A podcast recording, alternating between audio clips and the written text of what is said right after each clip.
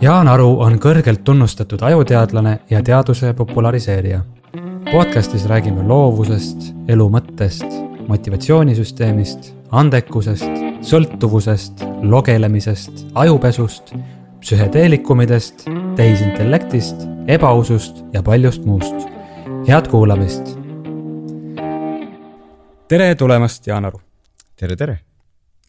ma mõtlesin, et alustame sellise lihtsa küsimusega nagu, mis on elu mõte? oi tõesti, see on jah hea, lihtne, mõtlesin nii keerulisemalt ja ma pean seda silmas äh, praktiliselt, et äh, kuidas inimesena võiks oma elu elada äh,? kas on selliseid üldiseid vaateid, mis teha võiks? noh, mina, mina olen kõigest ajuteadlane ja aruteadlane, eks selles suhtes, et ja ma käin hästi palju rääkimas koolides õpetajatele, lastevanematele, firmajuhtidele ja nii, seega ma saan aru, et mina noh, ei saa öelda inimestele, mis peab olema nende elu mõte. ma võin öelda kahte asja, esiteks seda, et äh, igaüks äh, saab läbi eluga nii, kui ta lihtsalt äh, on äh, käib vooluga kaasas ähm, äh,, naudib ühismeediakanaleid ja lihtsalt on, midagi ei juhtu, ega ta ära ei sure. aga minu kohustus teadlasena ja ajuteadlasena on öelda, et on ka paremaid viise, kuidas oma aju kasutada. et meie kõikide ajus on tohutu potentsiaal, aga see ei väljendu kuidagi iseenesest, ei ole nii, et ta lihtsalt järsku tuleb. et seda ära kasutada, peab tööd tegema ja see on see eneseteostus ja see on viis, äh, kuidas mina arvaks, et on võib-olla mõistlikum äh, oma äh, aju ja ka oma elu kasutada. väga hea, eneseteostus ja oma potentsiaali elluviimine. Äh, räägime sellest lähemalt, aga kõigepealt anname ühe tükikese selle jaoks, et äh, on selline moesõna nagu dopamiin või motivatsioonisüsteem. kas sa saad seletada, kuidas motivatsioonisüsteem töötab? no mida me peame aru saama, on see, et noh, tegelikult kõik, kes kuulavad ähm,, saavad ka sellest ju aru, et äh, osa asju meile meeldib teha, osa asju mitte selle taga on siis see süsteem, mida me nimetame motivatsioonisüsteemiks. ja tähtis on ka aru saada, et see on inimestel väga erinev jah, et see, mis, mida mulle meeldib teha, näiteks mingeid ajuteadusartikleid lugeda, enamikel inimestel on täiesti igav ja täiesti mõttetu tegevus, eks ju ähm,. aga, aga jah, et see nii-öelda selline kaardistus tegevustest ja kaardistust sellest, et, et mis väärtusega üks või teine tegevus minu jaoks on see on see motivatsioonisüsteem ja siis see on selline asi, mis meid läbi elu juhib, ta muutub. Ta ei ole kogu aeg sama, eks, kui sa oled väike laps, siis motiveerivad sind ühed asjad, kui sa oled puberteedieas, motiveerivad hoopis teised asjad. ja siis meievanuseid motiveerivad äh, jällegi omasoodu asjad ja, ja, ja välismaailm saab seda motivatsioonisüsteemi muuta. näiteks kui meid äh, meie soorituse eest kiidetakse, kui meil endal midagi hästi välja tuleb või kui siis välismaailmas on asjad, objektid, mis seda motivatsioonisüsteemi nagu väga muudavad äh, heas või halvas mõttes ähm raamatus kirjeldad, kuidas nutiseadmed kaaperdavad justkui meie motivatsioonisüsteemi. mida sa selle all silmas pead? jah, et siin võib kohe öelda, et noh, et mina, ma ei võitle nagu nutiseadmete vastu, on ju. ja, ja ma ei ütle, et nutiseadmed alati halvad on. noh, kui, kui sa oled äh, loov inimene, tahad mingit infot sealt saada kiiresti väga kasulik, eks. aga äh, kui me vaatame eriti nüüd äh, lapsi siis ikkagi äh, suur osa nagu üheksakümmend üheksa protsenti ja rohkem sellest, mis nad teevad, on mängud ja äh, sotsiaalmeedia, eks. ja need on siis kaks tegevust, kus küll nagu me teame, mis on need algoritmid, kuidas nad äh, äh töötavad ja üritavad seda aju käitumist siis mõjutada. Nad üritavad kasutada ära aju loomulikku nõrkust. et meile meeldib uudsus, meile meeldib see, kui on vilkuvad pildid, meile meeldib see, kui me näeme natuke naljakaid videosid, need kõik tulevad ilusasti kokku Tiktokis, eks. kus sa liigutad ainult pöialt ja siis tuleb see uus video ja äge video ja noh, sul on nii palju võimat-, võimatult ägedaid äh, variatsioone ja nii edasi. mida see teeb, on, et ta siis iga see video tekitab väikse dopamiinilaksu äh,. iga kord liigutab pöialt väike dopamiinilaks ja nüüd, kuna see dopamiini ja motiv-, motivatsiooni, nii-öelda välist motivatsiooni on nii lihtne saada sellest aparaadist või antud juhul konkreetselt sellest programmist, siis, siis see muudab seda ajusisest motivatsioonisüsteemi. kui äh, sul ütleme, enne võib-olla oleks sind huvitanud natukene muusika tegemine võib-olla sul oli isegi seal potentsiaali, on ju.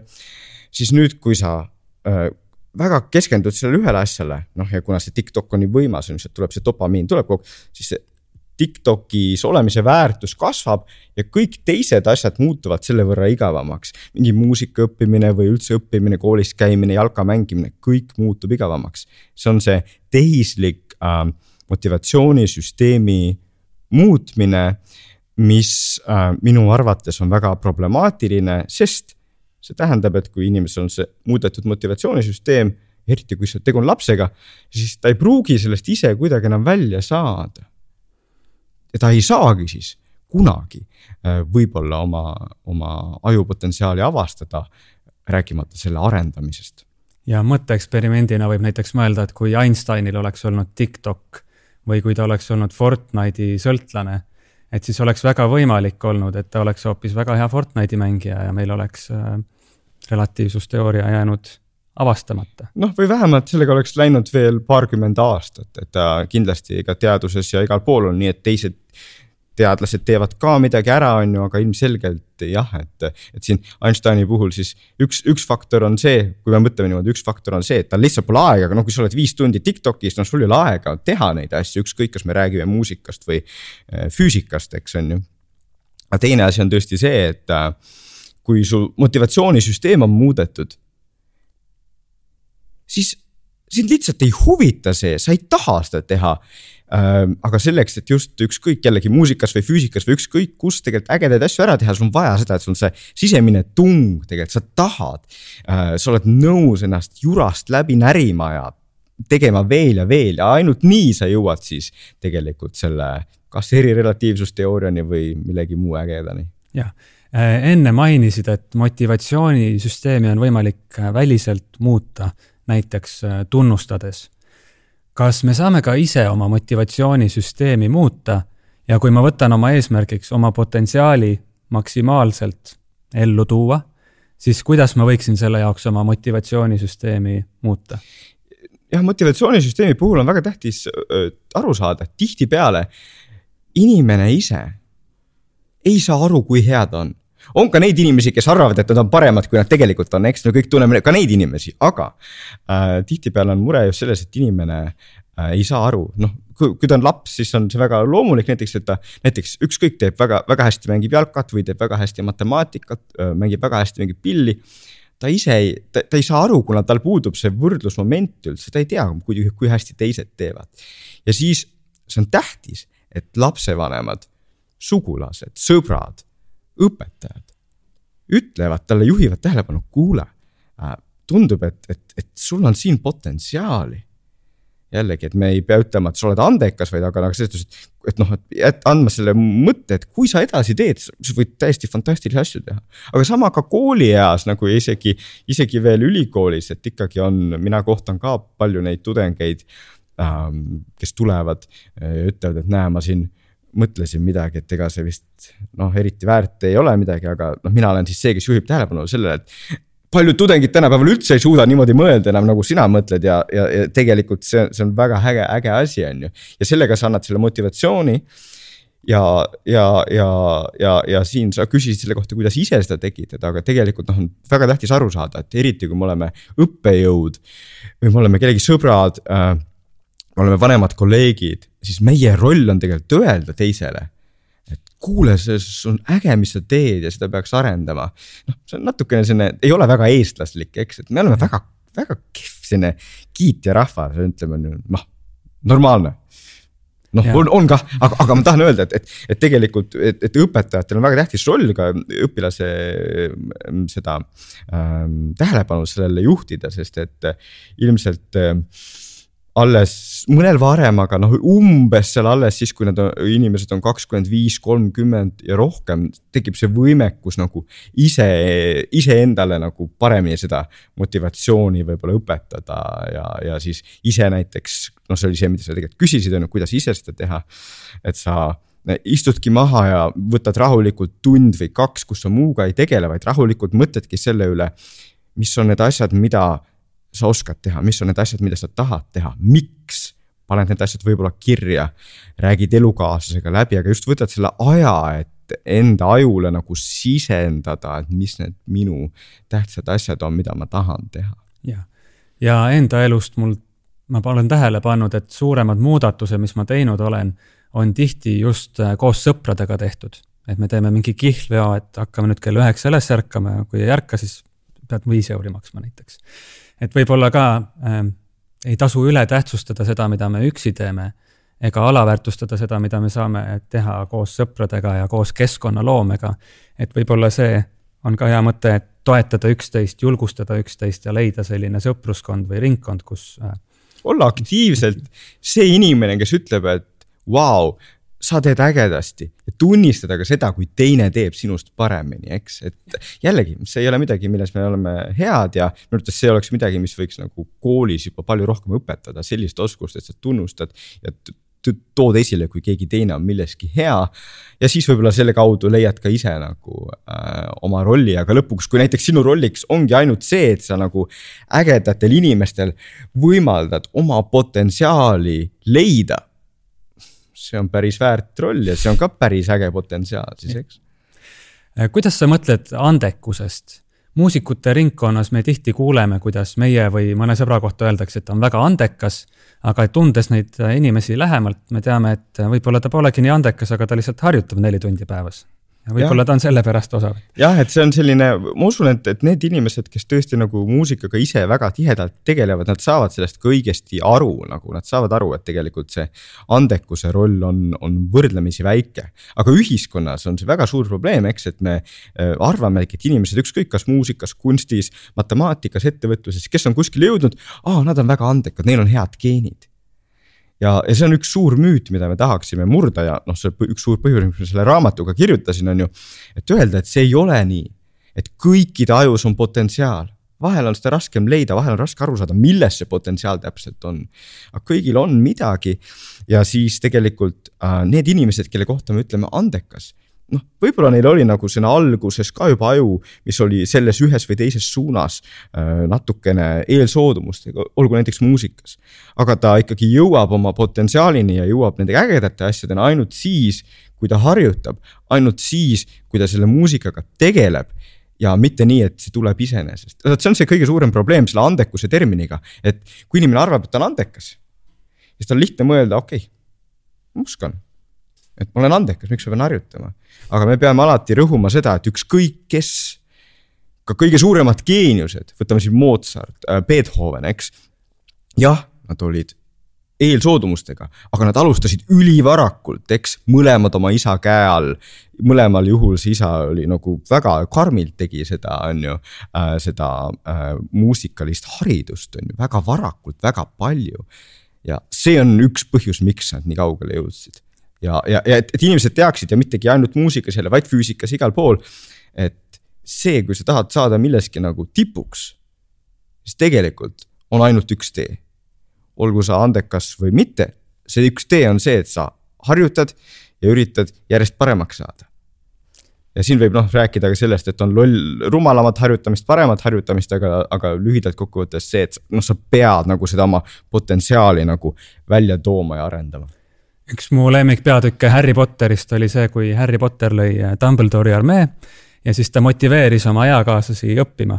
ja ta ütles, et isegi kõige suurematel võluritel, nad olid kunagi samas kohas, kus me praegu olime, nad olid lapsed, kes lihtsalt harjutasid midagi tegema. ja seesama oskus äh, lapsevanemana või õpetajana näha seda last, kes objektiivselt vaadates ei olegi midagi erilist, on lihtsalt mingisugune tüüp, aga näha temas seda potentsiaali ja seda, mis ta võiks olla on meeletult väärtuslik. no kõige tähtsam asi ja, jällegi, et, et siin äh, võimegi mõelda, et no mis see probleem on, on see, et äh, kui lapsevanem mõtleb nii, et ah oh,, mina ei saanud koolis hästi hakkama, mind ei huvitanud äh,. ilmselt minu laps ka ei saa, ühesõnaga jumala suva, ma võin talle anda, et istugu seal neli tundi seal nutitelefonis, mingit vahet ei ole mm. -hmm. aga tegelikult see lapsel võiks olla potentsiaali, on ju see, kes ta vanemad on, mida ta vanemad tegid see ei ole tähtis, me oleme äh, läbi ajaloo näinud palju neid inimesi, ehk on meil endal ka sõpru, kes või ise oleme, kes on täitsa lihtsast tavalisest perest, noh Eestis tihti nii ongi, on ju. Äh, aga, aga me, see ei tähenda, et meie ei võiks asju teha või meie ei võiks asju saavutada, on ju ähm, ja, ja, ja see on väga tähtis äh, asi ja tõesti ma, kui ma, kui ma käin ähm, koolides ühesõnaga räägin seitsmendatele, kaheksandatele klassidele, noh, keda justkui ei peaks üldse see huvitama, aga siis ma ütlen ka, et keskenduge, mõtle, mõelge sellele, kes on teie iidolid muusikas, näitlejad, sportlased. ja nüüd mõtleme, et kuidas nad sinna jõudsid, kuidas nad selleks inimeseks said. ja et nad saaksid aru, et see faktor ei ole mitte andekus, vaid faktor on alati töö mm. -hmm. ja siis mina ei saa jällegi sundida, et nad kõik tööd teeksid, aga ma saan, minu roll on see, et nad teaksid, et töö on see, mis sinna viib nagu. jah, ja tundub ka, et äh, selle uskumine, et sa suudad seda. et no jah, tegelikult pole teoreetiliselt põhjust, miks sa ei võiks olla Miles Davis või keegi järgmine geenius. aga lihtsalt sellega, et me ei suuda seda uskuda, me tihti seame endale piirangud ja ei ole enam valmis seda tööd sisse panema, sest niikuinii ei tule seda. no täpselt jah, et mis mõtet mul on harjutada, et mul ei noh, et ma, ma, ma ei saa selle asjaga hakkama, mis mõtet mul on matemaatikat teha, ma ei saa selle asjaga hakkama, et see on see kõige suurem pi-, pidur. millest me tahame alati üle saada, et kõik inimesed teaksid, et põhimõtteliselt põhimõtteliselt on kõik võimalik, jah äh, noh, mul on väga raske saada nagu tippkorvpalluriks, väga raske, et mõned asjad on nagu, mis on lihtsalt äh, füüsilistel põhjustel äh, raske saavutada, aga, aga paljud asjad on, on, on võimalik teha hoopis rohkem, hoopis paremini, kui me tegelikult ise arvaksime. ja see on teine asi ka, mis võib-olla siis suuremate inimeste puhul on tähtis mainida, et kui inimene on näiteks, ta on mingil põhjusel hakanud midagi õppima, midagi tegema, on ju. ja siis ühel hetkel saab aru, et tegelikult tahaks hoopis midagi muud teha.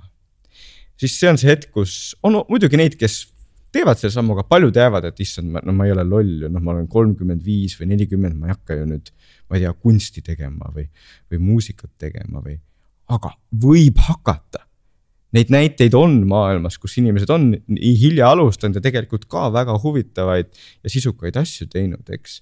et see on asi, mida me peame teadma, et kui meil on see tahe teha, oleme nõus harjutama ja aega sinna sisse panema, siis me saame paremaks selles teemas. kas sa oled kunagi mõelnud, et kas millalgi on õige mõte ka loobuda?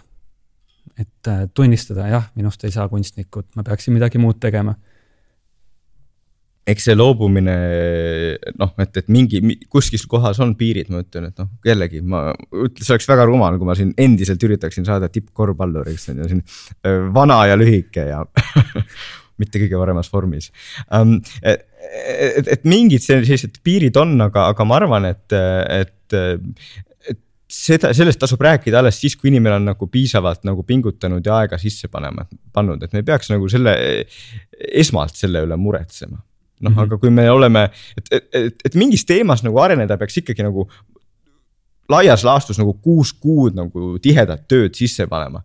ja kui siis nagu ikkagi jah, et see ei arene nii väga, siis, siis võib natukene ümber mõelda aga üldiselt noh, see, siis võib ka ümber mõelda nii, et okei okay,, ma, ma ei saa selleks Eesti tipppianistiks, aga tegelikult mulle mängida meeldib ikkagi ja see on ikkagi see, mis ma, ma tahan kolm tundi päevas ikkagi tegeleda sellega näiteks no ja, ja lõpuks on elu protsess.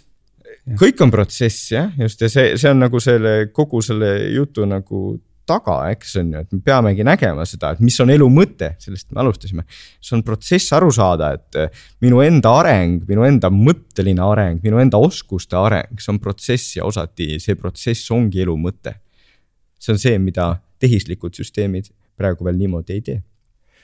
jah, ja lõpuks äh ei olegi võib-olla kõige tähtsam olla siis maailma top üks või tippsportlane, tippteadlane, vaid kõik me kuulume kuhugi, jah ja et äh, see on ka väga tähtis asi, et aru saada, et äh, inimene on väga paindlik. Äh, see on see, miks, miks meie istume praegu siin, meil on mikrofonid, kaamerad, eks, ja mitte, mitte šimpansid näiteks, et inimesed, me oleme väga äh,, adapteerume kiiresti ja leiame oma niši ja, ja vahel tihti see nišš ongi nagu ka aru saada, et, et ei pea olema maailma tipp. Ja omast käest võin ma öelda, et mina olen ju selle asja otsuse läbi käinud, et äh, Eestis on üliraske teha maailma tippteadust, eks. ja siis mul oligi see otsustamise koht, et kas ma, ma äh, lähen edasi kuskile tippülikooli, kõik uksed olid tol hetkel lahti. Minu jaoks. Või ma tulen Eestisse ja ma valisin selle tulemise Eestisse, sest ma sain aru, et nagu minu jaoks sellest maailma kõige tippteadlasest tähtsam äh, on see, et ma saangi olla siin äh,, juhendada eestlaseid, aidata teistel äh, noortel teadlastel jõuda veel kaugemale ja ka käia sellistel üritustel nagu täna on ju seda, lihtsalt seda teadmist jagada teistele Eesti inimestele. ja see on minu jaoks nagu tähtsam ja, ja noh praegu võib öelda, et selle otsuse ma olen ju teinud mõnda, mõned aastad tagasi, aga seni tegelikult ma ei olegi nagu seal teaduses ka kaotanud, kuigi ma selle otsuse olen enda jaoks teinud. jah, sest Eesti kultuur on midagi, mida me koos loome ja võib-olla sellel karjäärirajal on suurem mõju. ei no just ja see on väga tähtis argument, et noh, ma räägin ju paljude noorteadlastega, kes on välismaal, neil kõigil, nad kõik teavad, nagu minagi, et maailmas, väljas äh,, välismaal on palju parem teadust teha aga ma ütlen neile ka, et noh, sa Eestis, sa saad muuta ühiskonda, sa saad panustada ühiskonda jällegi. võib-olla sinu potentsiaal, nagu need konkreetselt minu potentsiaal on rohkem ka selles, et ma saan nagu selles ühiskonnas mingeid muutusi teha.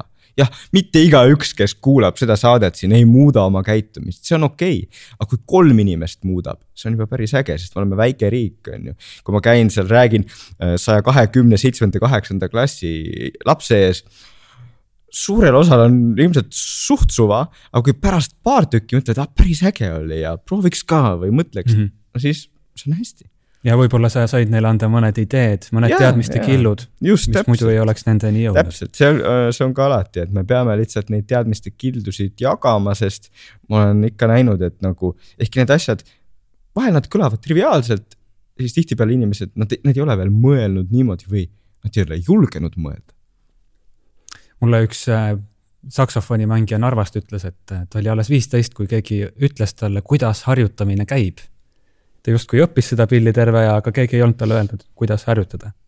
ja see on ka üks teadmiste kilde, mis ja, tundub iseenesestmõistetav, aga. ja, ja see on see, millest korraks mainisin, on ju, et on see äh, halb harjutamine, hea harjutamine, et ja ma loodan, et siin äh, paljud inimesed, kes seda kuulavad, juba teavad ka seda, on ju, et halb harjutamine on see, kui sa teed lihtsalt sama asja uuesti ja uuesti ja uuesti. noh, kui sa pead teatud mingisuguseid äh, võtteid harjutama sisse, siis on okei okay. aga, aga kui sa nagu muidu näiteks mingit pala muusikas mängid uuesti, uuesti samamoodi lihtsalt äh, harjutades äh,, siis see ei ole hea harjutamine. pigem hea harjutamine on see alati ja kõi, igal alal on see, et sa iga kord küsid, kuidas ma saaks paremini mängida. või kuidas ma saaks asja paremini teha ja iga kord. ja iga kord proovid seda paremini teha, vahel ei tule välja, on ju, oled liiga väsinud võib-olla, siis on see hetk, kus paus teha, on ju. aga sa iga kord üritad midagi, mingit aspekti paremini teha.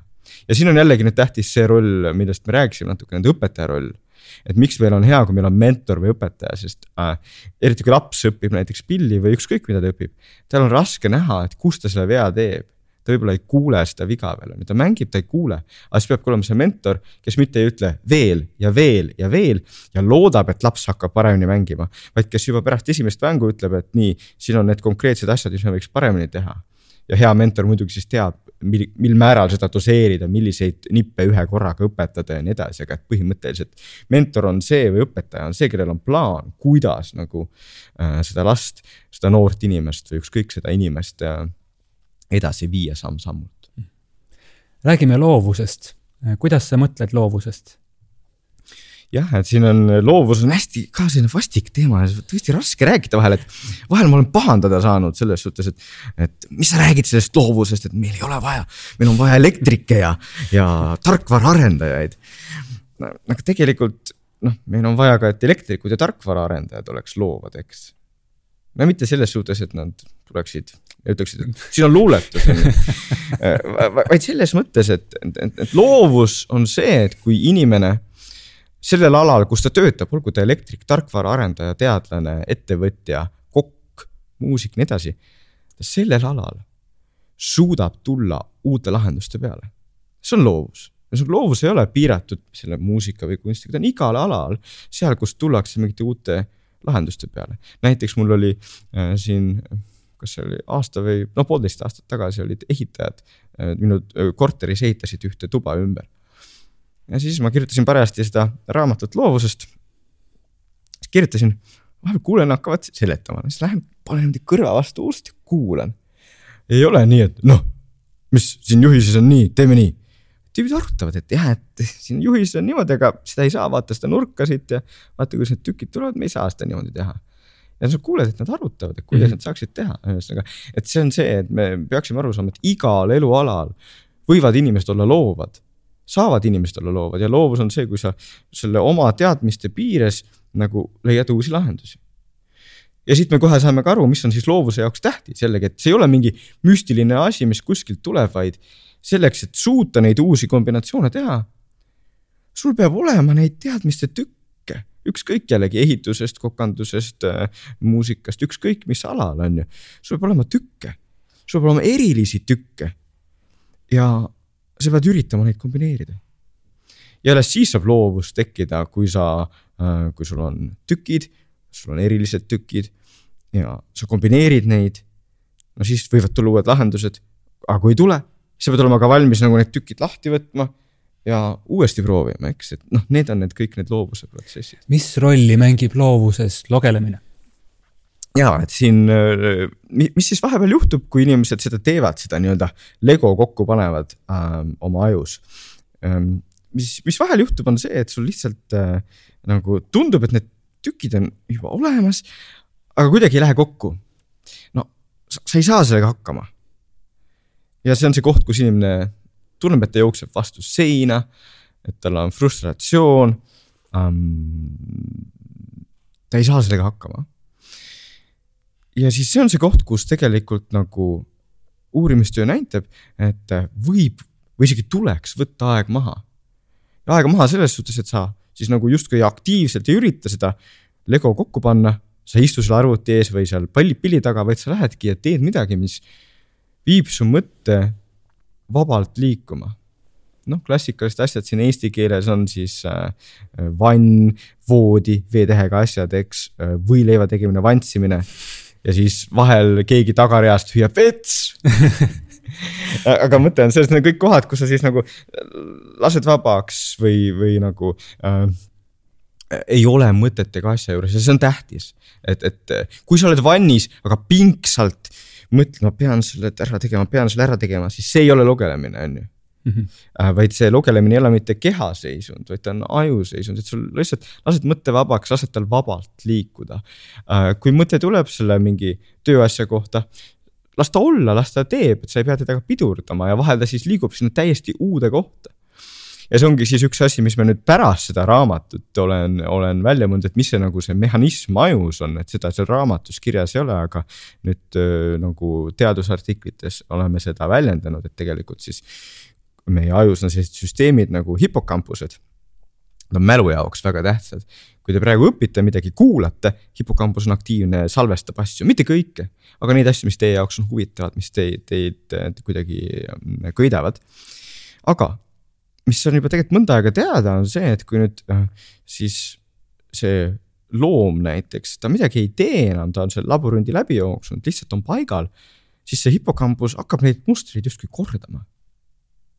hakkab nagu uuesti mängima ja mitte ainult, vaid hakkab nagu uusi kombinatsioone ka tegema.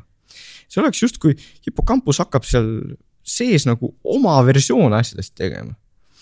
ja et see ongi siis meie teadusliku hüpoteesi kohaselt see mehhanism, mis on selle aluseks, et vahel, kui sa lihtsalt logeled, siis järsku tuleb see, aa, okei okay., tuleb see suur sähvatus, mida nii inimesed äh, kunstis, muusikas, ettevõtluses kui ka teaduses tunnevadki kui seda heureka momenti või ahaa momenti. et siis see hipokambus on justkui mingid kogem-, poolkogemata õiged tükid kokku pannud, et lähevad sinna teistesse ajupiirkondadesse, kus öeldakse, ossa, see ongi lahendus, ahaa mm.. ja, ja, ja noh, et mida see kõik ütleb praktiliselt, on see, et me peame lugelema ja selleks, et neid tükke teinekord õigesti kombineerida, on seda lugelemist vaja.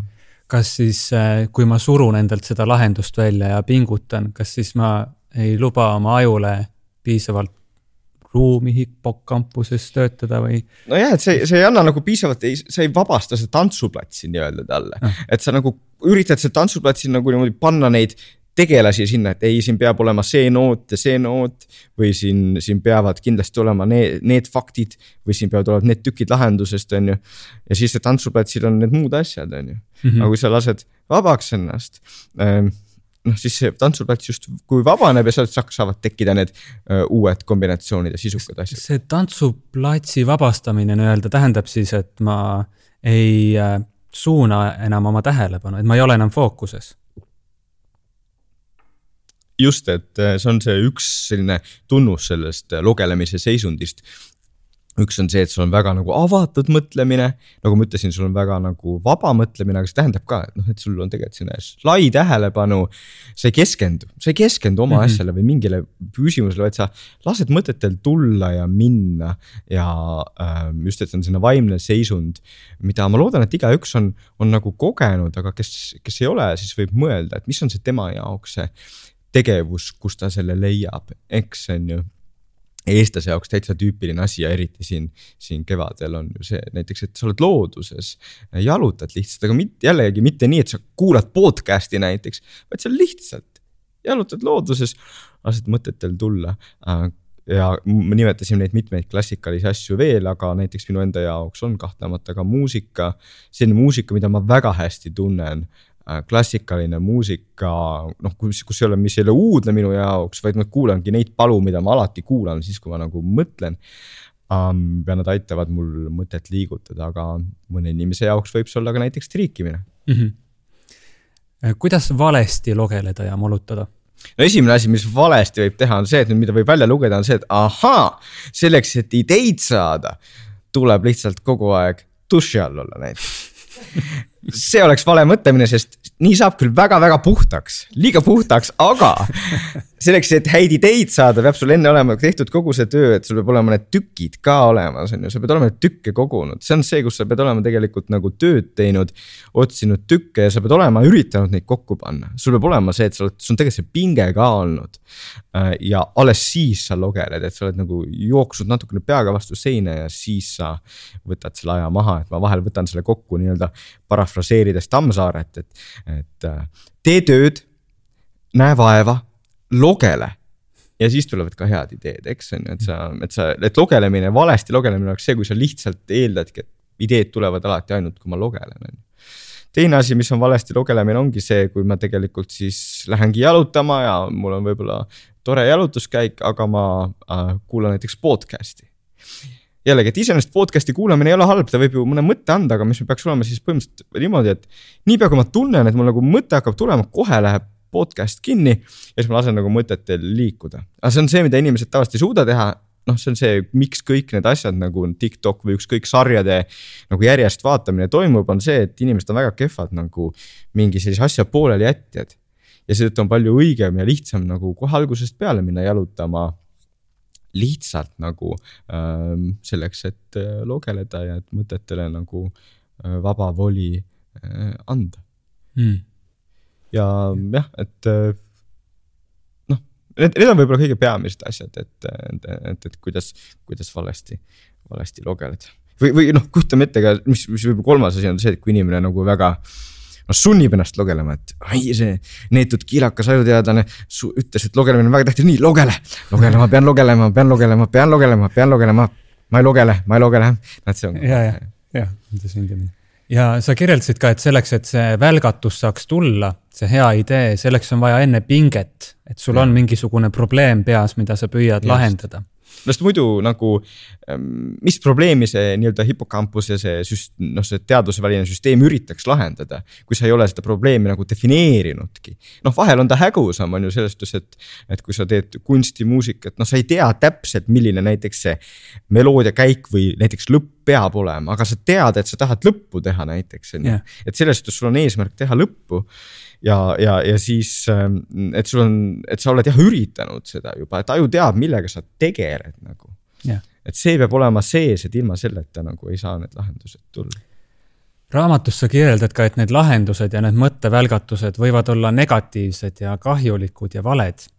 ja ma küsin seda sõbra jaoks, aga kuidas äh, manipuleerida teisi inimesi ja ajupesu teha neile?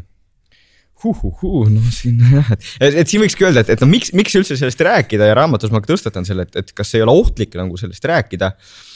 aga minu jaoks on see nii, et äh, selleks, et ennast selle ajupesu vastu kaitsta, on vaja teada, et see üldse on võimalik Äh, noh, nagu me teame ka mürgiste seente kohta või ükskõik mingite halbade asjade kohta, petukõnede kohta, et kui sa ei ole kunagi kuulnud, et on võimalik teha petukõnesid äh, sinu sugulase häälega, siis kui see sugulane helistab äh, ja küsib sult raha, sul ei ole isegi mõtet, et see võiks olla nagu pettur, eks ja sama siis, siis sellega, et seetõttu ma räägin sellest, et mis on nagu, kuidas, mis on see valem nagu siis teiste inimeste nagu mõtete manipuleerimiseks, et äh, kõige tähtsam on see, et äh, see ei ole kõige tähtsam ähm,. et on kaks viisi, kuidas saab nagu kahte tüüpi inimesi, keda saab manipuleerida, ühed on nii-öelda, keda me võib-olla tunneme kui nagu kergeusklikud kes nagu lihtsalt, nad lähevadki väga paljude asjadega kaasa, vahel seetõttu, et neile lihtsalt meeldib uusi asju proovida ja nii, aga jätame praegu korraks vähemalt äh, nemad kõrvale. keskendume sellele teisele grupile, mis on minu arust nagu tüüpilisem ja, ja kus on nagu see asi nagu noh, äh, kurvem, murettekitavam, on see inimesed, kellel on tegelikult mingi mure. Neil on mingi pinge. see võib olla seetõttu, et neil on äh, perekonnas midagi kehvasti, neil on äh, töö kaotanud. Neil võib olla ka tööalane probleem või selline äh,, selline pinge, mis on seotud nagu mingi loovusega isegi, eks ja siis selles olukorras ähm, siis see aju nagu otsib mingit lahendust või tihti üritab aru saada, et miks minuga see toimub, mis selle taga on, eks, et see on üks hästi inimlik asi, et me üritame aru saada, mis selle taga on. mis, miks see nii on, miks minuga nii on praegu. ja siis see on nüüd see koht, kus siis pahalane saaks tulla ja tegelikult nagu näiteks internetis siis pakkuda välja selle idee, et näiteks selle taga on mingi, mingi teatud grupp inimesi näiteks. see ei ole ju üldse nagu uskumatu, et see võiks nii olla põhimõtteliselt, noh, et inimesed teevad igasugu kummalisi asju. aga kui me räägime, võtame konkreetselt mingi näite, mis ütleme, oletame, et ta tõesti on vandenõuteooria selles suhtes, et teda tõesti on vale, lihtsalt oletame sellist asja. siis äh, kui see nüüd see pahalane nii-öelda äh, sellele inimesele, kes on haavatud, haavatav nagu pakub selle teooria, mis muuhulgas ka selgitab, miks selle inimese olukord on nii halb. et näiteks selle taga on mingid inimeste grupp, kes, kes üritabki nagu äh, ressursse teatud inimestelt ära saada, näiteks. siis võib olla, et see kõik nagu klikib kokku tema jaoks, need tema mõttetükid, äh, mis olid tema jaoks nagu seotud selle probleemi lahendamisega, et miks minul on nii halvasti, järsku saavad kokku, järsku leiavad selle äh, ahaa-momendi ja siis tal tekib see selline arusaam, võltsarusaam sellest, et noh, et see vandenõuteooria on tõsi ja ta võib siis sellega ka suhteliselt kaugele minna, õnneks Eestis neid juhtumeid nii palju ei ole, aga Ameerika maal küll on neid juhtumeid, kus inimesed on relvaga läinud sisse kuskile kohta, kus nad eeldavad, et midagi toimub mis nende vandenõuteooria kohaselt peaks toimuma, aga tegelikult noh, tegelikult see on lihtsalt vandenõuteooria. jah, kui mõelda kultuste peale või siis äh, kasvõi poliitiliste ekstreemsete ideoloogiate mm -hmm. peale, et siis seal on enamasti ühiskonnas enne mingisugune pingeline või mureseisund näiteks. Äh, ja, et, et alati, ja see on kõik ja noh, seda me näeme alati, et mureseisund, pingeseisund on see, kus need ajud otsivad nagu äh, Äh, lahendust ja see on nagu paralleel selle loova inimesega, see on nüüd selleks, et, et, et jõuda sinna uue lahenduseni, ta laseb endale selle pinge sisse. ta lubab selle endale peale ja siis tal tuleb see lahendus. aga nüüd, kui inimene, tal on pinge seetõttu, et tal on mingid asjad elus halvasti ja nüüd tuleb see inimene või inimeste rühm, kes ütleb, et ma tean, mis see viga on ja süüdi on nemad ja meie teame, kuidas paremini. muidugi igaüks ei lähe sellesse, ei lähe sellega kaasa, aga, aga on inimesi, kes lähevad või see on vähemalt see sooduspinnas äh, sellise asja äh, tekkimiseks. Ähm, mind väga huvitab, mis sa arvad sellisest olukorrast, kus mingisugune irratsionaalne või vääruskumus on inimesele kasulik. no näiteks, et äh, fooliummütsik aitab tal paremini luua või horoskoop aitab võimalusi näha või mis iganes. Ähm, kas seda peaks soosima, et kuigi kuigi sa võib-olla näed läbi, et see on irratsionaalne, siin pole häid põhjusi, miks uskuda sellesse, aga ma näen, et see toob häid tulemusi. või siis tuleks igal juhul tõde otsida? inimesed on selles suhtes noh, uskumatult vahva loomaliik, et meil tõesti vahel meie jaoks nagu reaalsusest palju tähtsam on see reaalsus, mis siin on, et see on ainus reaalsus, mis loeb. ja, ja seetõttu mina ütlen ka, et noh, et me, kõige suurem probleem inimkonna jaoks on siis, kui inimesed arvavad, et nad võitlevad tõe eest. Nad arvavad, et neil on tõde. ja siis nad on selle eest valmis surema, nad on valmis teistega vaidlema, see on probleem. et see ei ole probleem, kui inimene tegelikult, tal on mingi nii-öelda oma tõde, äh, mis teda aitab, aga ta ei võitle selle eest. ja võib-olla ta isegi teab, et noh, võib-olla see ei ole nii, aga mul töötab mm. -hmm. et noh, toome ühe teise praktilise näite, et näiteks ongi, et kui on Äh, koos elavad kaks inimest, kes mõlemad iga kord, iga tüli puhul arvavad, et nendel on tõde ja teine on loll, noh siis see ei ole väga, ei ole just valem eduka kooselu jaoks, eks. et, et see on väga tähtis aru saada, et, et kui me vaidleme mingite lihtsate asjade üle, aga ka suurte poliitiliste asjade üle, siis ei ole nii, et see teisel pool, teise, teist äh, äh, seisukohta esindav inimene on loll. Ei ole, meil lihtsalt, see on alati väga inimlik asi, et me hakkame oma seisukohti kaitsma ja et me nagu eeldame, et teine on tobu, aga tähtis on see, et me saaksime aru, et noh, meil on nagu mingil määral nagu erinevad tõed. see on okei. Okay.. ühiskonna roll on neid asju arutada aga see ei tohi nagu peale suruda või võidelda nende eest, sest siis see noh, läheb kaitse, kaitseasendisse on ju, see on täitsa loomulik. ja nii et, nii et tulles selle esialgse küsimuse juurde veel täpsemalt tagasi, et kui keegi inimene nagu näiteks usub, et temal tuleb see inspiratsioon kõige paremini pähe, kui tal on fooliummüts peas ja ta tõesti, ta kirjutab lugusid, siis las kirjutab, ei mm, -hmm. ei ole mingit põhjust nagu võidelda yeah.. alles siis, kui ta nagu seisab seal on ju selle noorte muusikute ees näiteks ja ütleb, et selleks, et head muusikat teha, on vaja teil kõigil fooliummütsi kanda kuus tundi päevas. no siis tasub sellega tegeleda, aga ongi, et kui inimene, tal on endal mingid harjumused, mis ta, mis teda aitavad, see ei ole probleem. noh, et vahel küsitakse ka, viimasel ajal eriti mitte, aga, aga alguse poole, et kas on tõsi, et on ju kuum piim meega toob hea une. siis mina ütlen, et kui teile aitab palun tehke seda, aga palun ärge oma lastele seda sundige peale ja nii edasi, kõikide mm. asjadega on nii, et me peame olema valmis arutama, mis töötab, mis ei tööta, aga mitte nagu äh, niimoodi võitlema nende asjade eest ja näiteks mina ka, mina ju kirjutan, räägin nendest teemadest, aga ma kunagi ei ütle, et, et ma, et mul on absoluutne tõde ja minu mõte on lihtsalt anda inimestele neid teadmiste kilde ja mõttejuppe, et nad ise saaksid neid asju kokku panna ka oma mm., eks nii et kui su sõber paneb õnnesokke jalga, siis sina talle kätt ette ei pane ega ütle, et võib-olla need ei aita tegelikult. jah, et, et selles suhtes, et, et me peame olema mõistlikud nendes asjades, et kui need äh, uskumused, äh, tõekspidamised nagu nad ei kahjusta kedagi ähm, siis ei ole mõtet nendega, nende, nende üle võidelda, aga noh, on selged kohad, kus on ju ikkagi ongi, kui inimene nagu, ta on raskelt haige, tal on vähk. ja siis ta usub, et ükskõik kuum piim meega või õnnesokid on need, mis ta terveks teevad, noh siis on see koht, kus kus me peame natukene sellest teemast rääkima ja, ja jällegi mitte, mitte vihaseks minema.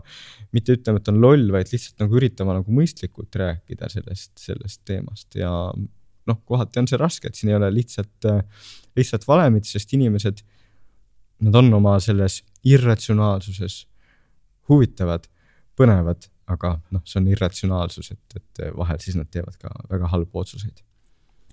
räägime meele muutmisest enda arvamuste muutmisest. kuidas äh, olla paindlikum? jah, jah, väga, väga sobiv küsimus siia, eks, et, et, et mida ma näengi ja millest me rääkisime, ongi see, et, et tihti probleem on selles, et, et inimesed äh,, nad lähevad nagu alguses võib-olla see seisukoht ei olegi nii tähtis, aga kui nad siis hakkavad veel vaidlema ka, siis automaatselt, mis ajus juhtub, on see, et mina vaidlen selle seisukoha eest, järelikult see seisukoht on väga tähtis minu jaoks ja nüüd on see veel emotsionaalsed vaidled selle elukaaslase või inimesega, õppejõuga, ükskõik, siis see muutub selle aju jaoks nagu defineerivaks omaduseks. ja see on see, kus on probleem, kus tal on nagu see uskumus ja vahel ta on nii või, või valmis selle nimel nagu võitlema isegi. nii et see esimene asi, et olla paindlik, on võib-olla nagu teadvustada, et see probleem on olemas, et meil inimestel on selline harjumus, loll harjumus, jääda mõttemustritesse kinni ja arv, pidada neid õigeks. Äh, ja et kõikidel inimestel on see. teiseks tasub muidugi ka mõelda, et miks siis on üldse tähtis paindlik olla, miks ei ole vajalik nagu alati oma seisukohtade eest võidelda ähm,. lihtsalt äh, lühidalt öeldes nagu enamik asju, mille üle me vaidleme jällegi, olgu see paarissuhe, poliitika või nii. Need ei ole mustvalged teemad, kus on võimalik tegelikult ühel inimesel nagu õigust ja tõde nagu näha kohe. Nad on tavaliselt keerukamad teemad ja kui nad on, siis meie stardipositsioon võiks olla see, et isegi kui ma arvan, et mul on üldiselt õigus, siis teisel inimesel võib ju olla vähemalt mingisuguseid huvitavaid mõtteid. ja et ma peaks olema vaba selles. ja et ainus viis ka teist inimest veenda selles, et mida mina tean ja mida mina õigeks pean, on see, et ma temaga rahulikult räägin. ja see rahulikult rääkimine, see juba on nagu selline, sellise paindliku äh, mõtteviisi aluseks kolmas komponent on siis see, et me tegelikult otsime sedasama, millest me rääkisime logelemise juures, eks. et kui sa vestled kellegagi, siis sa ka nagu üritad nagu oma mõistust äh, rahustada, sa üritad nagu äh, rahulikuks jääda. ega see alati välja ei tule, mul ka alati välja ei tule, aga siiski äh, palju paremini kui, kui, kui siis, kui ma noor olin, et minu tipphetk, põikpäisuse tipphetk oli see, kui ma isaga vaidlesin selle üle, kas ta Moskvitš liigub nii aeglaselt, et ma suudaks sellest kiiremini joosta. Ma ei suutnud. Aga see oli jah, põikpäisuse tipphetk, nii et, et mina olen väga põikpäine inimene olnud ja, ja ma usun, et isegi veel kahekümnendates. ja siis osati võib-olla tänu oma noh, sellele, et ma oma abikaasaga olen koos elanud nüüd üheksateist aastat. noh, see kogu aeg inimesega koos elamine ja nagu see aitas nagu nurki maha lihvida ja siis osati lihtsalt ka. võib-olla selline loomulik vaimne kasvamine on viinud selleni, et ma arvan, et mul on nagu üldjuhul palju meeldivam vestluspartner, kui ma võisin olla veel kümme aastat tagasi, kus oli nagu sellist äh, rohkem nagu sellist äh, äkilist äh, hoogu minekut, et see on nagu asi, mida on võimalik ka kultiveerida ja otsida ja noh, et sa oled teadlik sellest, et tegelikult, kui sa tahad ähm, mingeid mõtteid edastada või ka mingist asjast paremini aru saada, siis tuleb alati nagu äh, üritada rahulikuks jääda ja et selleks on siis ka sarnased äh, nagu, nagu tehnikad, eks kas, kas me nüüd vastasime selle küsimuse ära? ja ma tegelikult äh, kalastasin ühte vastust veel. Äh, oma raamatus sa kirjeldad ka meele muutmise kontekstis mm -hmm, psühhedeelikume. just, just. ja see on natukene ja. selline vastuoluline teema, mis on viimasel ajal renessanssi läbinud ühiskonnas. et kas kõigepealt sa saad natukene sisse juhatada, mis need psühhedeelikumid on inimeste jaoks, kes võib-olla seostavad neid heroiini ja kokaiiniga. ja, et see on väga tähtis öelda, et, et psühhedeelikumid on selline huvitav äh, ainete klass, mis on väga erinev heroiinist ja kokaiinist, sest äh, nad ei tekita otseselt sõltuvust. Nende probleem ei ole sõltuvus. Nende, ma ei tea, kas probleem või jutumärkides probleem on see, et nad tekitavad väga teistmoodi teadvusseisundeid. ja kui me mõtleme, ütleme väga teistmoodi, siis me mõtleme seda, et äh, kui te olete praegu kuskil oma toas või looduses näiteks seda podcast'i kuulamas, siis teie see keskkond muutuks kardinaalselt, võib-olla näeksite seinu hingamas, järsku tekiksid mingid värvid, mida kunagi ei ole näinud, tekiksid mingid geomeetrilised kujundid. Te näeksite kuskil mingit valgust tulemas, võib-olla teatud ainete puhul. Äh, mingisugused äh, tegelased tekiksid, kes teiega räägiksid. See on väga teistmoodi äh, teadvusseisund. Ja otse loomulikult see on nagu midagi, mis on nagu väga põnev, näiteks minule, kes ma olen teadvust pikalt uurinud, aga kui ma alustasin teadvusuuringutega, noh, see oli ka aasta kaks tuhat neli, kaks tuhat viis, siis tõesti psühhedeelikume praktiliselt ei uuritud, nad olid nii-öelda tabu all, nad olid keelu all. Ähm, ja nüüd on siis, nagu sa kenasti ütlesid, selline renessanss ka toimunud, et, et uuritakse rohkem, üritatakse rohkem aru saada, mis nad on ja mida nad suudavad. Ja raamatus sa kirjeldad edasi, et, äh, et sul tuli hüpotees, et võib-olla on meil võimalik. aga võib-olla, võib-olla lähme veel ühe sammu ja, tagasi enne, enne, enne seda, seda, et, et ütleme siin kohe, kohe ära, et, et ilmselgelt ma pean ütlema seda, et äh, palun ärge ise äh, üksi kodus psühhedeelikume katsetage, sest nad on väga võimsad, teadvust muutvad äh, ained, millel on lihtsalt ootamatud tagajärjed ka käitumisele. nii et noh, neid ei, ei, ei tohiks niimoodi nagu täitsa kontrollimatult suvaliselt kasutada. See oht on realistlik nendega, et sa võid muutuda inimeseks, kes sunnib teisi kuus tundi fooliummütsi kandma, et loov olla. ja, ja et, et täiesti selliseid asju tehakse, aga just, et, et, et noh, et need nii-öelda renessanss, mida me mainisime, on tulnud seetõttu, et inimesed on, teadlased on siis kontrollitud katsetes võtnud depressioonipatsiendid näiteks, kellel ei ole psühhoosi ohtu, kellel ei ole äh, sugulusi kelle, sugulasi, kes on skisofreenikud näiteks, sellised depressioonipatsiendid võtnud. Nende depressioonipatsientidega on ruumis samal ajal kaks terapeuti, professionaali. ja siis inimene võtab selle äh, psühhedeelikumi sisse ja siis võib-olla, et ta tegelikult nagu tuleb sealt psühhedeelsest seansist välja nagu muutunud inimesega. ta näeb mingit uut mõtet oma elul aga kõik need eelnevad komponendid on ka tähtsad, eks. tal peab olema see turvaline keskkond, tal peab olema need inimesed, kes teda juhivad, sest vahel tuleb halb trip ja kui see depressiooniga inimesel tuleb halb trip no me ei taha teada, mis juhtub, eks. nii et äh, need psühhedeelikumid, me teame tänapäeva, tänaseks päevaks, et nad tõesti aitavad depressiooni puhul ja sõltuvushäirete puhul. aga äh, neid ei tohi teha kontrollimatult ja sul oli hüpotees, et võib-olla on võimalik seda psühhedeelset kogemust imiteerida, äh, kasutades VR virtuaalreaalsust äh,. jah, jah, et see, sellest just vahva, vahva juht, vahva asi, et võib-olla ma natuke raamatus kirjeldasin, aga võib-olla oleks võinud veelgi paremini teha, aga täna me saame seda öelda, et tõesti äh,. selleks, seal jooksid nagu mitu seda teadmiste tükki kokku selleks, et see oli tõesti selline, selline lihtsalt üks vahva hetk, kus äh, et seda hüpoteesi teha üldse, et ma, ma, me oleme pikalt uurinud virtuaalreaalsust, tegelenud sellega, erinevaid katseid teinud, eks. teiselt poolt ma olen uurinud teadvust. Ja siis äh, kolmandaks hakkas mind sel hetkel huvitama veel rohkem see ahaa-moment ja siis, siis ma nägin, et, et psühhedeelikumide äh, all ka inimesed nagu raporteerivad midagi, mis on ahaa-momendis sarnane, eks need asjad hakkasid kokku jooksma. ja siis äh, veel üks, üks väga tore doktorant tahtis, tähendab, ta tahtis doktorandiks saada minu juures. aga ma ütlesin, et kuule, sorry äh,, sa oled füüsik, noh, et see, see taust ei sobi ja siis otsisime, rääkisime sellest, et kuhu ta võiks doktorantuuri minna välismaale. ja siis hakkame kõnet lõpetama ja siis ta ütleb, et jaa, kindlasti umbes, umbes midagi taolist, et jaa, kindlasti räägime veel, et mind ka huvitavad teadvusseisundid. okei okay,, räägime veel natuke. ja siis selgub, et teda huvitavad psühhedeelikumid, meditatsioon, asjad. ja ja see oli siis nagu selline puuduv tükk, aga tegelikult noh, et on inimene olemas ka, keda need asjad huvitaksid. aga siis tegelikult mul olid tükid olemas võib-olla mingi kuu aega või midagi ja siis mul see pinge tuli sellest, et mul oli vaja kirjutada uus teadusgrant nagu ähm,. selleks, et raha küsida oma, oma uurimistöö jaoks ja mul ei olnud seda nii-öelda uut ideed. ja siis nagu, nagu kohane või nagu sobiv, ma tõesti nagu mulutasin ka, nagu ma nagu käisin saunas äh,, käisin jalutamas, pikutasin, kuulasin Arvo Pärti ja boom, järsku see idee on seal. äkki me saaks need kõik need asjad kokku panna, noh, et ma muidu, ega muidu ei pannud ju neid kõiki asju kokku, ma sain aru, et me võiks, meil on see kompetents olemas, et teha äh, psühhedeelset virtuaalreaalsust ja see oli jõulu esimene püha vist, jõulu teise püha hommikul helistasin siis oma sellele endisele doktorandile, kes on üks Eesti, Eesti häid eh, virtuaalreaalsuse eksperte, ütlesin, kuule, kas teeme seda? ta mõtles, okei okay,, teeme.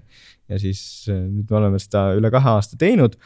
ja tõesti, see idee on siis selles, et okei okay, uh,, psühhedeelikumide probleem on see, et ilmselgelt iga inimene ei saa neid võtta. kui sul on halb trip, sa ei saa sealt välja ja mis noh, tol hetkel, kui ma raamatut kirjutasin, ma ei saanud aru nii, aga nüüd on see aru saada, et psühhedeelne teraapia saab olema hirmkallis. ainult superrikkad saavad seda endale äh, lubada, sest et kahjuks Ameerika maal inimesed mõtlevad kõigest nii, et okei okay, siin on võimalus inimeste elusid muuta, teeme sellega raha ja siis on nii paljud aspektid, asjad on patenteeritud. Äh, mis tähendab, et sa tegelikult, äh, sul ei ole võimalik nagu neid asju nagu kuidagi odavalt äh, kätte tuua ja siis kõigi nende nagu äh, koosmõjul äh, me siis mõtlesime, et olgu, et äh, no, et aga vaatame, mis need psühhedeelsed elamused on.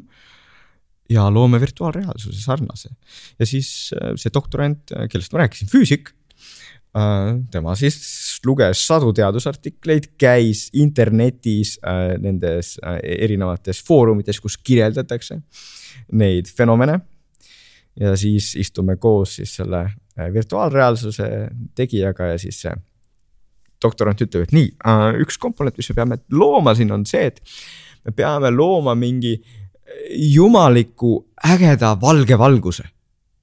Ja siis kujutage ette seda virtuaalreaalsuse loojat, hoiab peast kinni. mis asja aga nii see protsess käis, et tegelikult siis umbes, umbes mingi kolmveerand aastaga kõvasti tööd tegid äh, ja, ja siis tegelikult sai selline äh, virtuaalreaalsus, kus on siis umbes, kui ma nüüd ei eksi, üheksateist erinevat keskkonda, üheksateist erinevat kogemust, mis on võetud siis nagu psühhedeelikumidest, tunnelid, mingisugused valgused äh,, erinevad sellised kohad ja siis pandud kokku selliseks tunniajaliseks elamuseks. ja jah, et see oli hüpotees, et selline idee võiks nagu aidata äh, inimesi. kas sellel on mingeid esimesi tulemusi juba näha olnud ka? jah, et seal raamatus ma täitsa ausalt ütlen, et ilgelt loll idee, ilgelt naiivne idee selles suhtes, et aga, aga see ongi teadus, vaadake, et äh, teaduse põnevad asjad teaduses juhtuvad siis, kui sa nagu äh, sa oled seal teadmiste piiril, paned mingeid asju kokku ja sa ei tea, kas see töötab või ei, see on see, see on see päris teadus. seega isegi kui mulle tundus ja ma raamatus ka irdusin, et see on naiivne idee, siis me ikkagi proovisime. ja siis see esimene katse, mis me tegime depressiooni, äh, need ei ole patsiendid, aga need on inimesed, kellel on mõõdukas depressioon, ühesõnaga tänavalt inimesed, kellel on mõõdukas depressioon. näitas, et tõepoolest äh, kahe nädala möödudes kui me mõõdame siis kliiniliste testidega, nende inimeste see depressiooniskoor on vähenenud. nii et tänaseks päevaks on meil see asi ka teadusartiklina avaldatud, me oleme tõesti nagu, nagu ka selle, selle nii-öelda teadusavastuse teinud. ja, ja meil on esimesed partnerid siis, kes äh, nagu teatud kliinikutes nagu seda võimalust ka pakuvad, et, et teha siis virtuaalreaalsust. seal on siis meil... virtuaalreaalsus ja terapeudid mõlemad no just, et, et meil ka katses oligi nii, et meil noh, ei olegi nii, et sa lihtsalt ütled inimesele, et ahah, tule siia, pane mask pähe ja tee, on ju. vaid jällegi sa alguses pead teda juhendama ka ikkagi, et ta läheks just sinna sellesse avatud seisundisse, et inimene näiteks noh, meil on olnud selliseid probleeme, et need ei olnud mitte selles depressioonikatses. aga, aga ühes teises katses, et noh, et ongi inimene, kes on IT-inimene siis läheb sinna katsesse ja ta hakkab kritiseerima seda, et aa, siin see element võiks olla veel teravama resolutsiooniga ja selliseid asju nagu noh. ilmselgelt sel hetkel sa ei ole vaba, sa ei, sa ei, sa ei ole avatud meeleseisundis, sa pead olema selles kogemuses, sa pead laskma selle enda peale, on ju. ühesõnaga, et me alguses aitame inimest sinna seisundisse. meil oli siis selles katses oli kliiniline psühholoog, kes meid aitas selles. ja siis pärast katset ka inimene saab nagu läbi rääkida ka, mis ta koges, mis ta mõtles ja noh, et need on ka väga olulised elemendid sellest, mitte ainult see virtuaalreaalsus tohutult palju küsimusi on veel, aga aeg pitsitab natukene, aga üks teema, mida ma ei saa puudutamata jätta, on, me räägime praegu kaks tuhat kakskümmend kolm maikuus ja paar kuud tagasi tuli välja äh, chat GPT neli, mis esimest korda siis äh, ütleme, tavainimeste teadvusesse päris tugevalt jõudis ja mis tekitas sellise ai revolutsiooni tunde Äh, Google'i juht on öelnud, et ai revolutsioon on suurema tähtsusega, kui inimestel oli tule leiutamine või interneti revolutsioon. et see on üks kõige suuremaid muudatusi, mis saab olla inimeludes. Äh, annad Tartu Ülikoolis ainet nimega tehislik ja loomulik mõistus ja oled tehisintellektiga väga kursis, väga palju selle peale mõelnud. võib-olla kõige kaks pakilist küsimust, üks on see, et kuidas sa näed, et see võiks lähiaastatel, aasta-paari jooksul äh, tavainimese elu mõjutada? jah, et siin esiteks tasub öelda jah, et, et noh, minu see nii-öelda südame või tegelikult peaks ütlema, ajuteema on ajuteadus, aga jah, et ma ikkagi aastaid juba, juba oma kümmekond aastat olen tegelenud ka tehisaruga.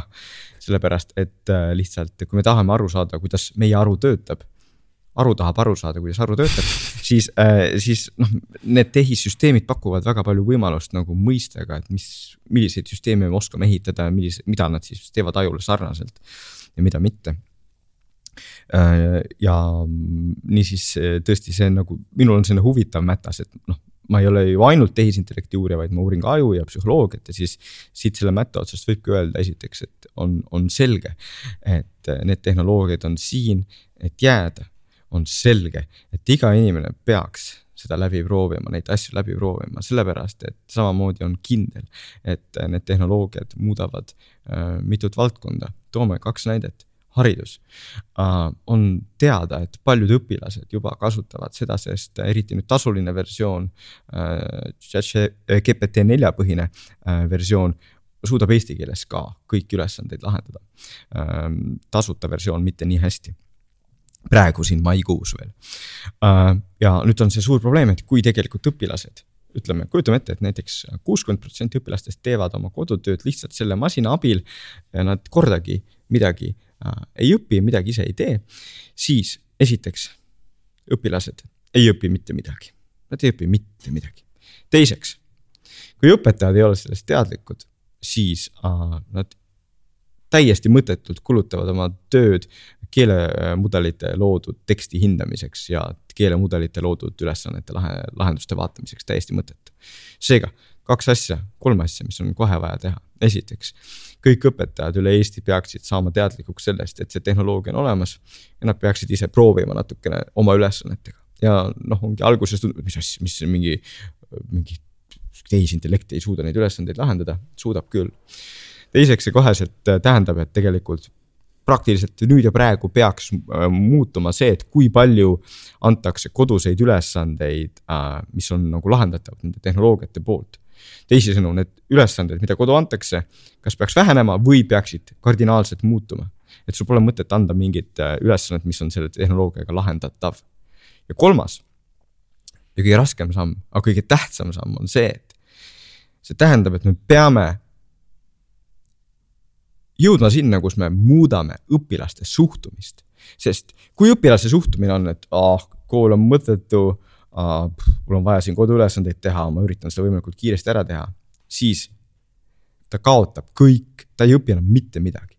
ja, ja sellest august enam välja ei saa.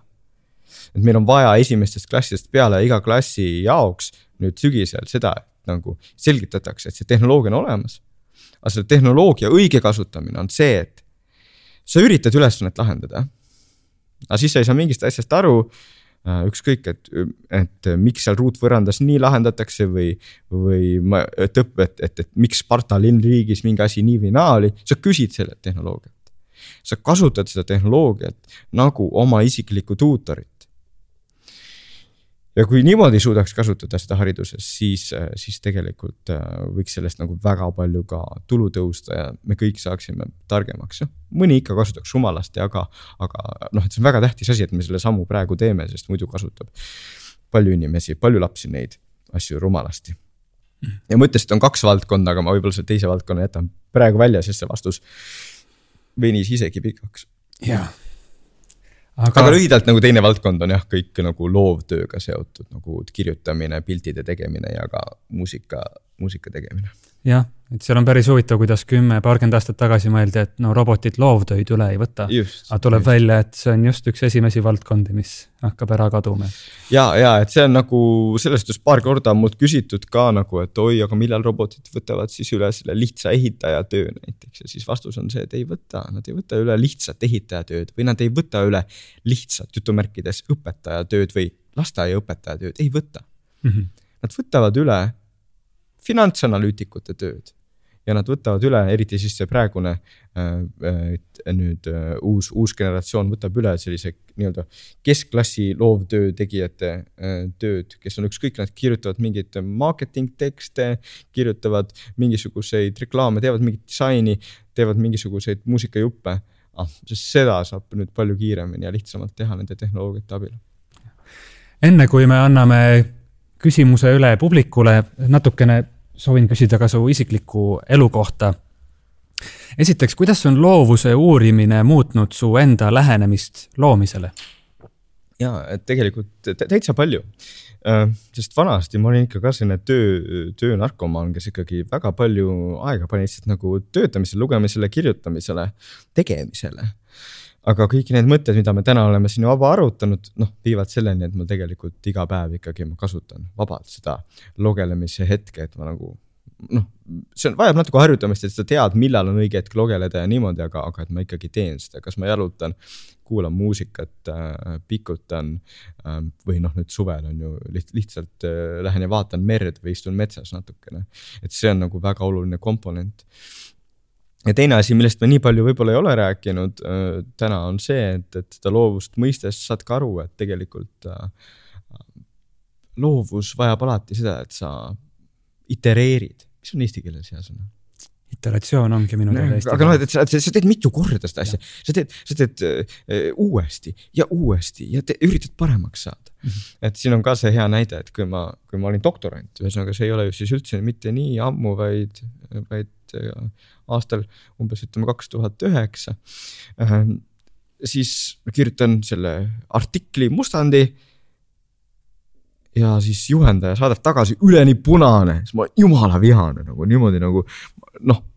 ma, ma ei olnud kurb, vaid ma olin vihane nagu, kuidas ta julgeb, minu meistriteos, eks äh,. aga, aga nüüd siis, kui mulle tulevad doktorandid, siis esimene asi või üks esimesi asju, mis ma räägin neile on, et kui me koos kirjutame, siis tea. ma muudan, ma muudan kogu aeg. ma muudan mm. mitu korda, vahel ma muudan kakskümmend, kolmkümmend korda seda teksti yeah.. see asi ei ole sinus sina muuda ka. Asi on lihtsalt selles, et niimoodi me saame kõige parema tulemuseni.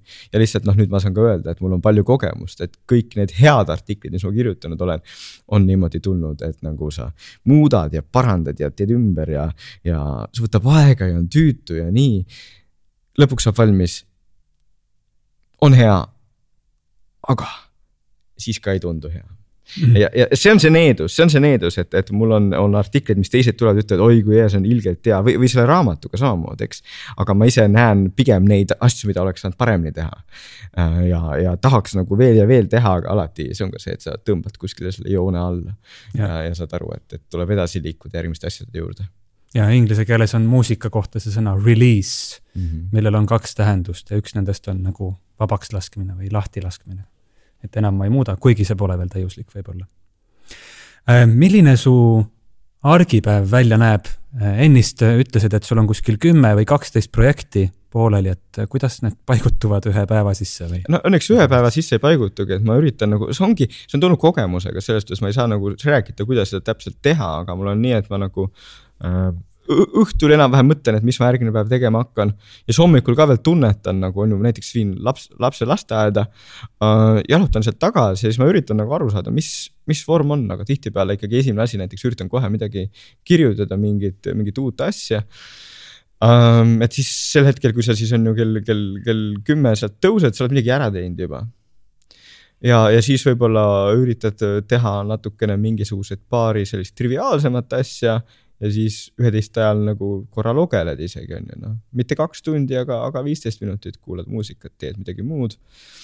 siis noh, mul on suur rõõm töötada koos ja juhendada paljusid äh, noori teadlaseid on ju, et, et siis äh, noh iga päeva juurde ikkagi kuulub see, et ma nendega ka suhtlen, mitte kõigiga korraga, eks, aga, aga, aga nagu iga nädal mõnega ikka. Äh, siis vahepeal jälle üritan kirjutada, mõelda, molutada ja siis äh, tihtipeale pärastlõunatele tegelikult panen selliseid üritusi, nagu meil praegu siin on ennelõunal, et äh, kus sa äh, nagu saab inimestega rääkida, neile midagi esitada ja olla väga avatud selles suhtes, et milliseid küsimusi tuleb. kuhu see mõte veel edasi võiks joosta, sest lõppude lõpuks noh, kuidas saada uusi mõtteid, ongi see, et sa räägid erinevate inimestega ja, ja üritad aru saada mitte ainult sellest, et mis on teaduses vaja milliseid uusi ideid on teaduses vaja, vaid milliseid uusi ideid on Eesti inimestel vaja. ja umbes, umbes nii see päev on ja siis noh, vahel on õppetööd, on ju, siis olen rohkem, rohkem teen õppetööd ja keskendun ka rohkem ka õppetöö ettevalmistamisele ja nii edasi. aitäh, Jaan Aru. anname võimaluse publikul küsimusi küsida ajuteadlasena, kas on mingisugused asjad, mis võiksid parandada keskmise elu kvaliteeti, mida nemad ise ei näe. jah, et inimesed jah, et see on selles suhtes, osad asjad on ju äh, tõesti, mis on, ma usun, et kõigi jaoks, kes kuulavad, väga triviaalsed, aga osad inimesed ei tea seda. noh, tervislik toitumine, ma arvan, et see on enam-vähem kõik kuulajad teavad seda. aga teine asi, mille, mida mina olen noh, aastaid olen tegelenud sellega ja nüüd on, ma arvan, asi parem, aga, aga ikkagi osad inimesed ei ole kuulnud, on see, et uni. Et kui valida nagu paar komponenti, kuidas oma elu lihtsalt ühe hetkega paremaks teha, siis see, et sa lihtsalt üritad välja magada. Äh, see on nii tugev nagu äh, faktor selles, et olla loov, et suuda, suuta keskenduda. et minna sellesse avatud seisundisse, kui inimene on väsinud, ta ei saa sellest aru, aga ta, ta, ta on ülikinni oma arvamustes ja oma tõdedes ta on ülivastik inimene, kellega vaielda selles suhtes. ja kõige hullem on see, et ta ei saa ise sellest aru. võib-olla osa, osa teist teab ka seda tunnet, et äh, mõni päev on selline, kus kõik teised on lollid mm.. hästi te teate, et tegelikult see tihti tuleb sellest, et ma ise olen liiga vähe maganud ja siis kõik ajab närvi ja kõik nagu tuleb niimoodi. nii et see uni on nagu see, et me seda tõesti tahaks, et inimene teaks, et parem on välja magada ja vaadata, kust siis mida veel ära jätta, et noh, et kas on vaja seal Netflixis veel see viimane äh, sari ära vaadata või võiks tund aega varem magama minna.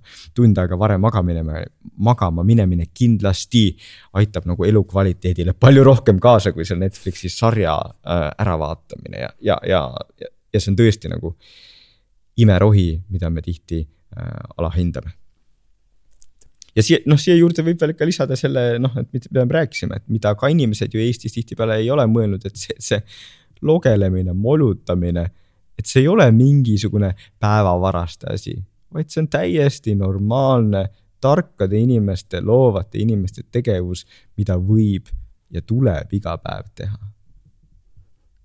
küsimus oli manifesteerimise kohta, mis seisneb lühidalt selles, et kujutada, kui kujutada ette oma äh, eesmärke, mida me tahame saavutada, et kas see siis aitab ka nende saavutamisele kaasa?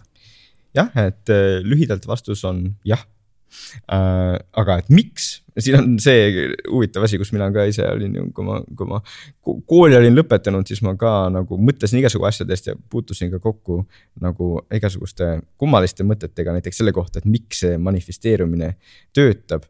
tollal oli see siis teada sellise külgetõmbeseaduse all, et noh, et kui sa nagu mõtled mingite asjade peale, siis nagu universum toob selle sulle. päris nii ei ole.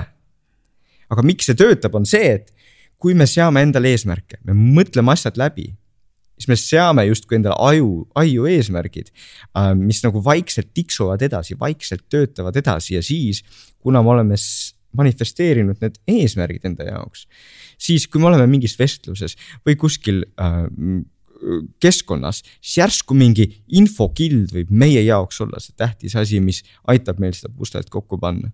ühesõnaga asjade läbimõtlemine eesmärkide seadmine on igatahes nagu midagi, mis on väga kasulik, sellepärast et siis aju teab, mida lahendada ja milliseid tükke ka otsida.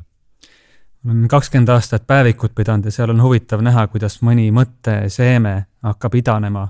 no näiteks, et viis aastat tagasi, et võiks kunagi podcast'i teha ja nüüd äh, siin me oleme. siin me oleme veel küsimusi?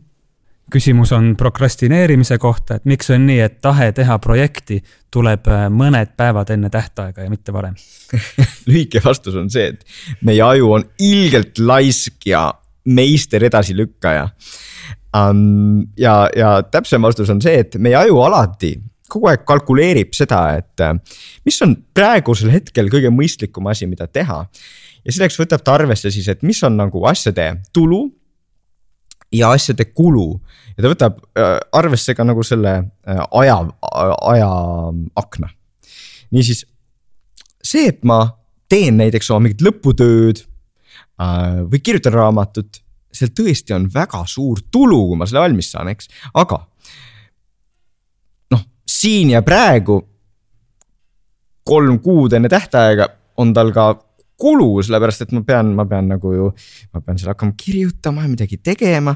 samas on siis meil kõrval nii palju tegemisi ja see on nüüd see teine komponent on, et me võime vaadata Netflixi, ma võin rääkida sõpradega, ma võin vaadata Tiktoki, kus see hetke tulu on ka suur, hetketulu on isegi suurem võib-olla. Äh, ja kulu on üliväike ja siis aju nagu valib selle teise tegevuse. põhimõtteliselt öeldes, et nagu noh, okei okay,, mingit vahet pole, ma võin homme ka teha seda. kolm kuud aega, ma võin homme ka teha yeah. seda noh. ja siis äh, see ongi, et see on täiesti tavaline asi, et mina olen näinud nagu ühel, ühel professoril ka niimoodi, et tal oli äh, seal eesmärkide to do listis oli kirjuta raamat. kui ma seda nägin, ma teadsin, et ta ei kirjuta seda raamatut mitte kunagi. sellepärast, et noh, niimoodi ei saa, et siis ongi, sa laksad, jaksad vabandust, langed sinna lõksu, kus noh, sul, sa võiks ju midagi kirjutada, aga vahet pole, kas ma kirjutan täna või homme.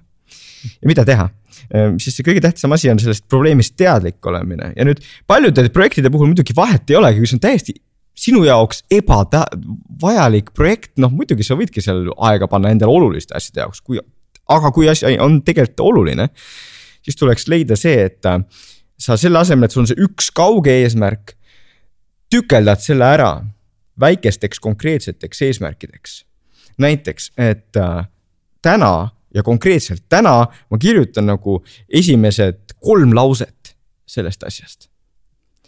ja, ja siis on järgmiseks päevaks järgmine eesmärk, ma kirjutan järgmised kolm lauset või ma revideerin neid esimest kolme.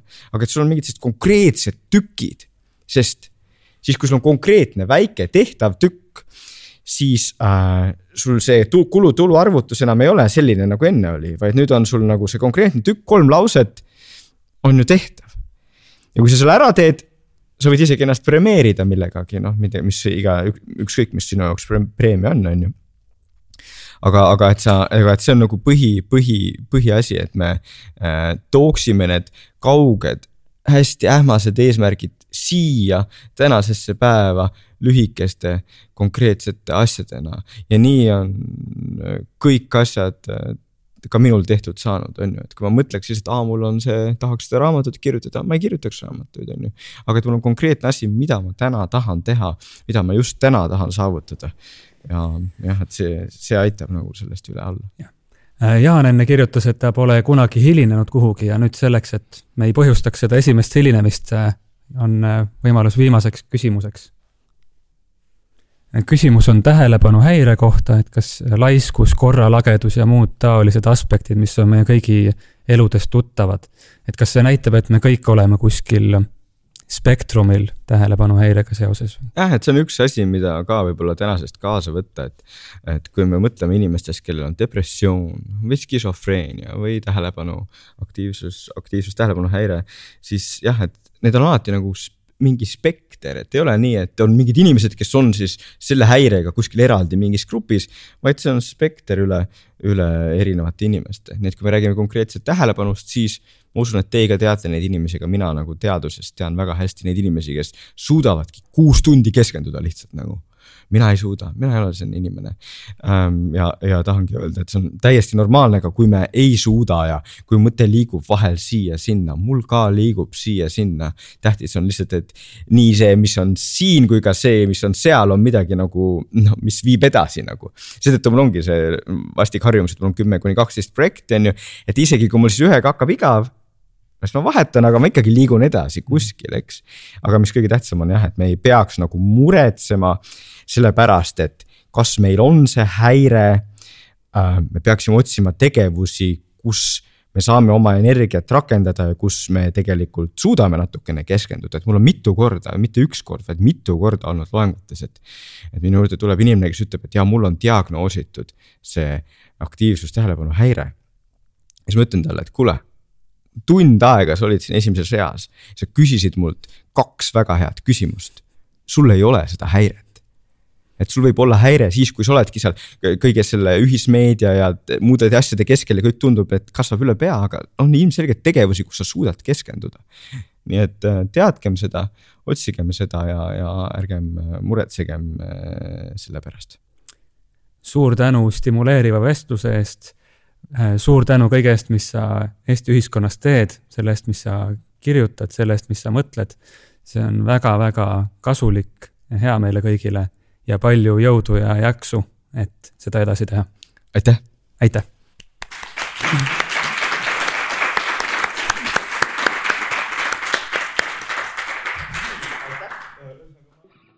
aitäh kuulamast kui soovid mu tööd toetada, jäta podcast'ist hea arvustus platvormil, kus seda kuulasid, telli mu Youtube'i kanal ja jaga podcast'i oma sõpradega.